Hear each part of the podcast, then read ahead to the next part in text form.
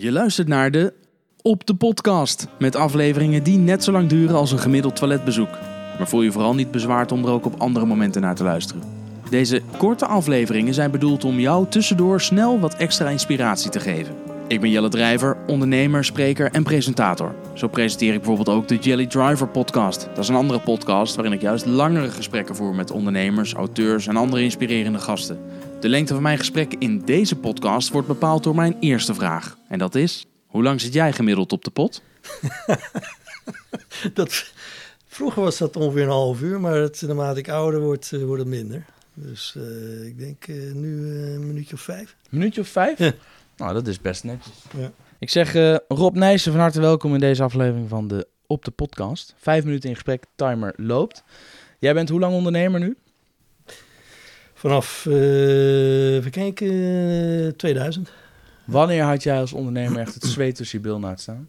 Oh, regelmatig. Ja, ja. Welk voorbeeld kun je noemen?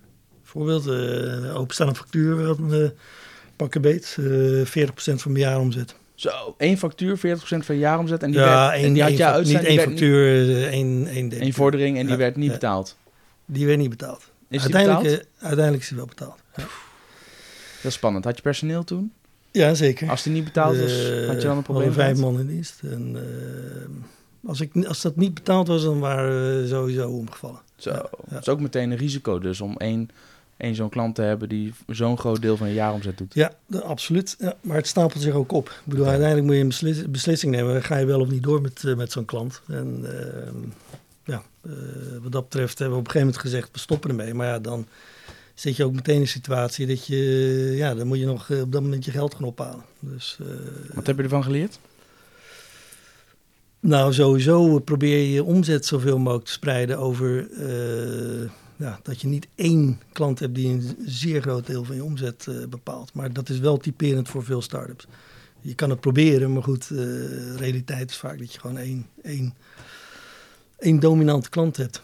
Is dat dat bedrijf wat je uiteindelijk verkocht hebt toen? Ja, klopt. Ja. En toen achteroverleunen, zeilboot gekocht, de wereld overgezeild? Of, wat ben je gaan doen? Ja, ik wil even kijken, een halfjaartje achterovergeleund. Maar toen ben ik weer begonnen. En uh, ook met vallen en opstaan hoor. Dus uh, ik was bezig met een plan. Ook iets in online advertising weer. En veel geld ingestopt. met investeerders aan het praten. En op dat moment brak de financiële crisis uit. Dus toen was ineens een enorme verandering in de markt. En, uh, was ineens geen geld meer beschikbaar? Ook, nee, precies. Gewoon geen geld beschikbaar. Dus uh, uiteindelijk heb ik dat zelf doorgezet. Is toen niet van de grond gekomen. Uh, dus heeft mij gewoon veel geld gekost. Privé. ondertussen was ik ook met een ander project bezig. En dat is uiteindelijk een nieuw bedrijf geworden. En dat is OnRecruit. Ja, ja OnRecruit. Ja. Heel kort, want we hebben niet zo tijd. In, in 10 seconden, wat doet OnRecruit?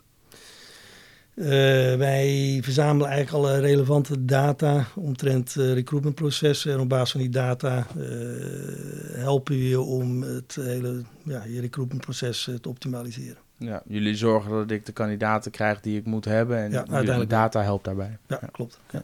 Welke les heb jij van huis uit meegekregen waar je nu als ondernemer nog steeds profijt van hebt?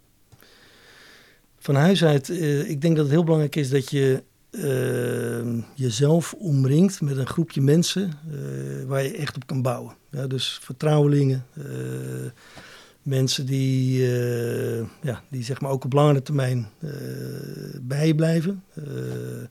en ja, het kunnen vrienden zijn, het kan familie zijn, het kunnen vertrouwelingen zijn. Nou, het hoeft helemaal geen grote groep te zijn. Maar een handjevol mensen en dat je daarmee samen een bedrijf gaat bouwen. Ja, een van jouw compagnons is je broer. Ja, klopt. Is dat een bewuste keuze geweest of is het, is het toeval? Hebben jullie samen meer, gebrainstormd? Ja, een combinatie. Ik bedoel, je hebt nog meer compagnons. Hoe zijn nou de verschillen in de gesprekken en het sparren en het ondernemen met je broer en met uh, niet-familieleden? Er zitten niet zoveel verschillen. Ik kan me nee, voorstellen dat je tegen je broer makkelijker en meer kunt zeggen en, en, en, sneller to the point kan zijn en misschien wat botter kunt zijn dan... Nee, bij, bij ons is het niet zo. Nee, de mensen eromheen die uh, zeg maar mede aanhouden zijn, dat zijn eigenlijk ook... Uh, familieleden. Ja, een soort familieleden. Ja, klopt. Ja. Dus wat dat betreft zijn we heel close. Ja. ja waar sta je over tien jaar? geen idee. Waar haal je inspiratie vandaan? Hoe kom je Eh, inspiratie? inspiratie haal ik uit bijvoorbeeld boeken. Ja, wat, heb je een eh, favoriet boek of een boek We dat elke afgelopen vakantie lezen? eh, wat dat, uh, gelezen van ja, Phil, Phil Knight. Knight. Ja, Ja. tof hè? Ja, ja, mooi boek. Ja, vind ik ook leuk. Ja, dus ook weer een hoop, hoop dingen uitgehaald. Maar wat haal je daar bijvoorbeeld uit? Ehm, nou, een van de dingen wat mij opviel was inderdaad ook dat hij ook in het begin van zijn eh, van de bouw van zijn onderneming Fake ook it till met you make it. ja ook dat precies Ja, fake it dat until you make it Ja, ja, met ja. Maar sorry, wat wij met zijn East Coast eh, office Ja, ja. ja. maar ook hij heeft gewoon een groepje mensen om zich heen verzameld eh, waarbij hij ja, samen met hun dat bedrijf ging bouwen en Ja. die zijn altijd gebleven ja, tenminste altijd een heel lange termijn ja. Jij hebt wel eens tegen mij gezegd, als je als ondernemer het gevoel hebt dat je alles onder controle hebt, dan ga je niet snel genoeg. Ja. Waarom vind je dat een mooie quote?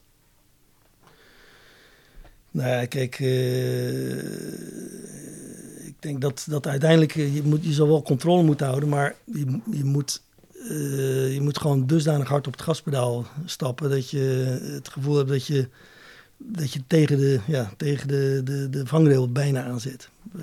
Ik denk dat het gewoon noodzakelijk is om sowieso vooraan in de markt te blijven. Is dat niet het risico dat je overspannen raakt of te, te hard werkt? Of... Ja, maar dat is een kwestie van... Ah, We zullen het nooit weten hoe jij erover denkt. dit is het einde, Rob. Dit is nou helemaal het concept. Jammer joh. Oké, Rob, dankjewel. oké, goed.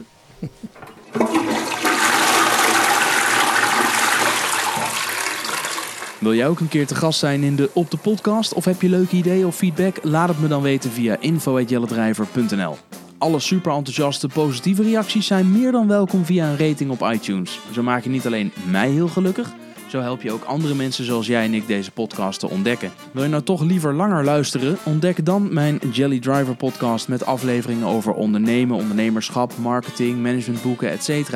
Abonneer je op mijn Jelly Driver podcast via jouw favoriete podcastplayer. Meer informatie over mij en mijn podcast vind je op jellendrijver.nl slash podcast.